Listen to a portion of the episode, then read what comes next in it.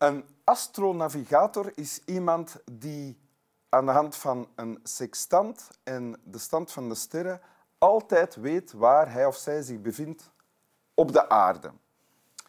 Uh, of dat kan weten. En uh, vandaag heb ik een astronavigator bij mij op de zetel zitten. Welkom. Dank u wel. Uh, Jonas Schernaert, je bent behalve astronavigator ook vader van twee kleine kindjes, klopt. van wie de, de kleinste anderhalf jaar is.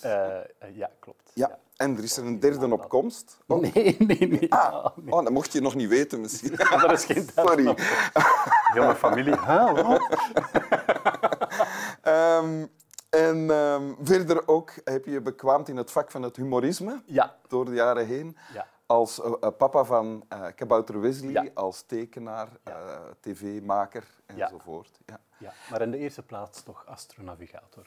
Ja. Daar, daarvoor sta ik het meest gekend. Bovenal.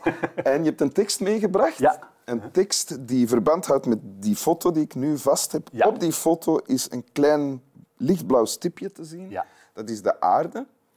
En deze foto is genomen van op uh, 6 miljard kilometer van de aarde. Ja, ja. klopt. Okay. Ja. Laat dat, uh, dat nemen we mee in het luisteren naar de tekst die Jonas gaat voorlezen. Yes. Oké. Vanuit dit verre gezichtspunt lijkt de aarde misschien niet bijzonder interessant. Maar voor ons is het anders. Kijk nog eens naar die stip. Dat is hier. Dat is thuis. Dat zijn wij. Daarop heeft iedereen geleefd van wie je houdt, iedereen die je kent, iedereen van wie je ooit hebt gehoord, elke mens die ooit heeft bestaan. De optelsom van al onze vreugde en al ons lijden. Duizenden zelfverzekerde religies, ideologieën en economische doctrines.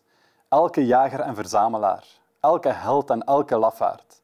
Elke schepper en vernieler van een beschaving, elke koning en elke boer, elk jong verliefd koppel, elke moeder en vader, elk kind vol verwachtingen, uitvinder en ontdekkingsreiziger, elke moraalridder, elke corrupte politicus, elke superster, elke opperste leider, elke heilige en zondaar in de geschiedenis van onze soort heeft daar geleefd, op een onooglijk stofdeeltje dat zweeft in een zonnestraal. En dat is dit stofdeeltje. Ja. En die tekst is van Carl...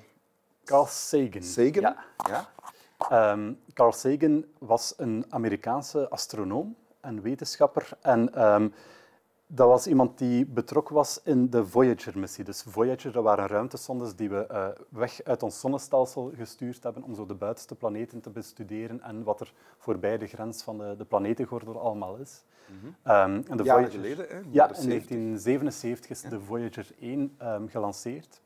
En Um, rond het jaar 1990 bereikte die zo de grens van de verste planeten, waar Pluto ongeveer zweeft, daar was hij toen. Uh, en NASA stond op het punt om een aantal instrumenten die niet meer relevant waren uit te schakelen om energie te besparen voor de ruimtesonde. En Carl Sagan heeft er toen op aangedrongen, samen met zijn vrouw Andrew Hunt, had hij het uh, idee gekregen van ik zou graag die Voyager nog één keer laten achterom kijken naar de aarde en nog eens een foto nemen van de aarde. Um, en dat hebben ze gedaan. Er was veel tegenstand tegen dat idee, want het was niet zonder risico om al die toestellen opnieuw te configureren en, en Ja. achteruit te laten kijken. Eh, ze hadden schrik dat die eh, zonde beschadigd ging worden. Maar ze hebben het toch gedaan. Ze hebben het toch gedaan en dat heeft ons die foto eh, opgeleverd. De, de verste foto ooit genomen van... Ja, klopt. De aarde. Ja, 6 miljard kilometer. En de foto heet ook Pale Blue Dot. Ehm, en een aantal jaar later, ik geloof in 1994, heeft Carl Sagan een boek geschreven over die missie, waarin ook eh, die tekst staat die ik juist heb eh, voorgelezen. En, en deze foto eh, is ingekaderd, die staat bij jou thuis ergens. Ja, die hangt op mijn bureau. Ja, Die staat op jouw bureau. ja, ja. Dus je kijkt er bijna dagelijks naar. ja klopt. Ja, ja.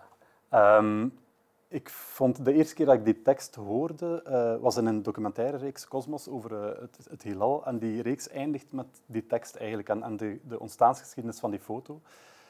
En ik vind dat een heel mooi raakvlak tussen ja, wetenschap en, en filosofie en toch ook een soort... eh, ja, Wa- mor- wa- Wat, was het effect? Wat trof jou dan als je dat voor het eerste keer hoorde, die tekst? Eh, ja, het, het zet alles nogal letterlijk eh, in een heel ander perspectief. Ehm, alles waar wij ons op onze aardbol dagdagelijks druk in maken, alles waar we bezorgd over zijn, alles wat we leuk, minder leuk vinden, is allemaal niet zo heel belangrijk als je het van op een afstand van 6 miljard kilometer bekijkt. En dat, dat, dat effect had het ook op die moment op jou, toen je het zag op tv. Die...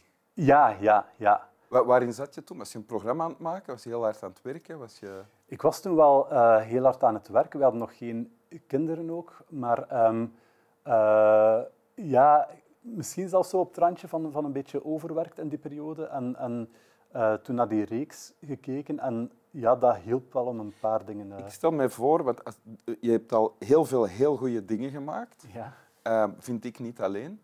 Eh, en je, je hebt ook... eh, hoe noemen ze dat? Je bent ook heel plichtsbewust, denk ik. Dus ik stel mij voor, als jij met je werk bezig bent, Ja. dat je dan helemaal laat opslorpen en dat je alles heel belangrijk maakt in dat Ja, werk. ja. En dat dat je ook in de weg kan zitten, klopt dat? Eh, ja, dat klopt. Ja, ja. Want die periode waar ik het nu over heb, toen waren wij aan het schrijven aan onze reeks De Dag. En ik denk dat er een periode van een half jaar was waarin dat wij elke avond en bijna elk weekend ook werkten. En dat je eigenlijk bijna geen sociaal leven had. En als je zegt wij, dan is het jij en je vrouw. hè? Ja, Julie en ik eh, hebben Dus je zit de hele tijd daar bovenop. Ja, ja, En dan zie je dit en dat helpt dan. ja. En dan denk je, waarom? nee, maar, maar eigenlijk, die foto, je zou, daar ook, moet ik zeggen, heel nihilistisch van kunnen worden. Van niks wat we hier op aarde uitvreten doet ertoe. En eigenlijk stiekem is dat ook wel zo. Maar bij mij heeft dat een soort omgekeerd effect van de tijd die je hier hebt, kun je maar beter eh, nuttig besteden. Zowel op persoonlijk vlak als ook intermenselijk. De menselijke geschiedenis is een opeenvolging van eh, veldslagen en bloedvergieten enzovoort. En waarom eigenlijk? Want binnen duizend jaar is er toch weer een andere beschaving die toch weer iets anders gaat willen. En, en is wat we vandaag hebben niet zo heel belangrijk. Ook. En deze foto die jou herinnert aan deze tekst, die staat Ja. op jouw bureau, dus je herinnert jezelf daar dagelijks aan. Eh, ja, onderbewust eh, ja, is dat wel een reminder. Want je zei dingen in perspectief plaatsen. Heeft Ja. het dan gevolgen voor, voor je leven? Doe je dingen anders? Ja, ik ben nu wel... Ik sta een beetje rustiger in het leven, denk ik. En, en de juiste eh, prioriteiten proberen stellen. Ja, gewoon nu zijn er ook kinderen. En, en eh, ik maak er echt een punt van. Ook al heb ik een, een heel zware deadline die er zit aan te komen. Van als die thuiskomen van school totdat ze in bed liggen, wil ik er wel zijn voor hen en actief met hen bezig zijn. En de keren dat ik dan toch moet werken, moeten de uitzondering zijn in plaats van, van de regel. En, eh, en dat, Dus dat zijn een ja. paar uur per dag die je vroeger waarschijnlijk dan eh, vaak aan het werk was, Ja, waarvan je nu zegt, nee, ik hou dat vrij voor mijn kinderen. Ja. Om met mijn kinderen te zijn. ja. Ja. bijvoorbeeld. En is het dan beter? Ja, ja dat is beter. ja, ja. ja, dat is... eh, eh, ja, omdat het... Ja, het, is allemaal... Zelfs mijn werk is niet zo belangrijk. Wim, dat van jou ook niet. Nee. Dat van niemand. Ja. Ja, ja. Ik moet, herinnert mij nu plots aan iets dat ik eens heb gelezen over een, een onderzoek bij burn-out Mhm. bij huisartsen. Uit dat onderzoek bleek dat huisartsen met kinderen minder last hadden van burn-out. Omdat die aanwezigheid van die kinderen in hun huis hen dwong om eh, alle bezonjes los te laten. Ah ja, Ja. ja. ja. Dus de combinatie van deze tekst, deze foto en kinderen Ja. ja, maakt van jou een vrije mens. Ja, voilà. Wil je hem nog eens voorlezen? Ja, ik ga hem nog eens voorlezen. Vanuit dit verre gezichtspunt lijkt de aarde misschien niet bijzonder interessant, maar voor ons is het anders. Kijk nog eens naar die stip. Dat is hier. Dat is thuis. Dat zijn wij. Daarop heeft iedereen geleefd van wie je houdt. Iedereen die je kent, iedereen van wie je ooit hebt gehoord, elke mens die ooit heeft bestaan. De optelsom van al onze vreugde en al ons lijden. Duizenden zelfverzekerde religies, ideologieën en economische doctrines. Elke jager en verzamelaar, elke held en elke lafaard. Elke schepper en vernieler van een beschaving. Elke koning en elke boer, elk jong verliefd koppel, elke moeder en vader, elk kind vol verwachtingen. Uitvinder en ontdekkingsreiziger. Elke moraalridder, elke corrupte politicus, elke superster, elke opperste leider, elke heilige en zondaar in de geschiedenis van onze soort heeft daar geleefd, op een onooglijk stofdeeltje dat zweeft in een zonnestraal. Dank u wel. Met plezier. Slap wel. En dit was de allereerste aflevering van het nieuwe seizoen van Winteruur. En nu ik de tekst nog eens gelezen heb, vind ik de meest betekenisvolle tekst die ooit geschreven is. Dus ik denk dat ik het seizoen van Winteruur nu al gewonnen heb.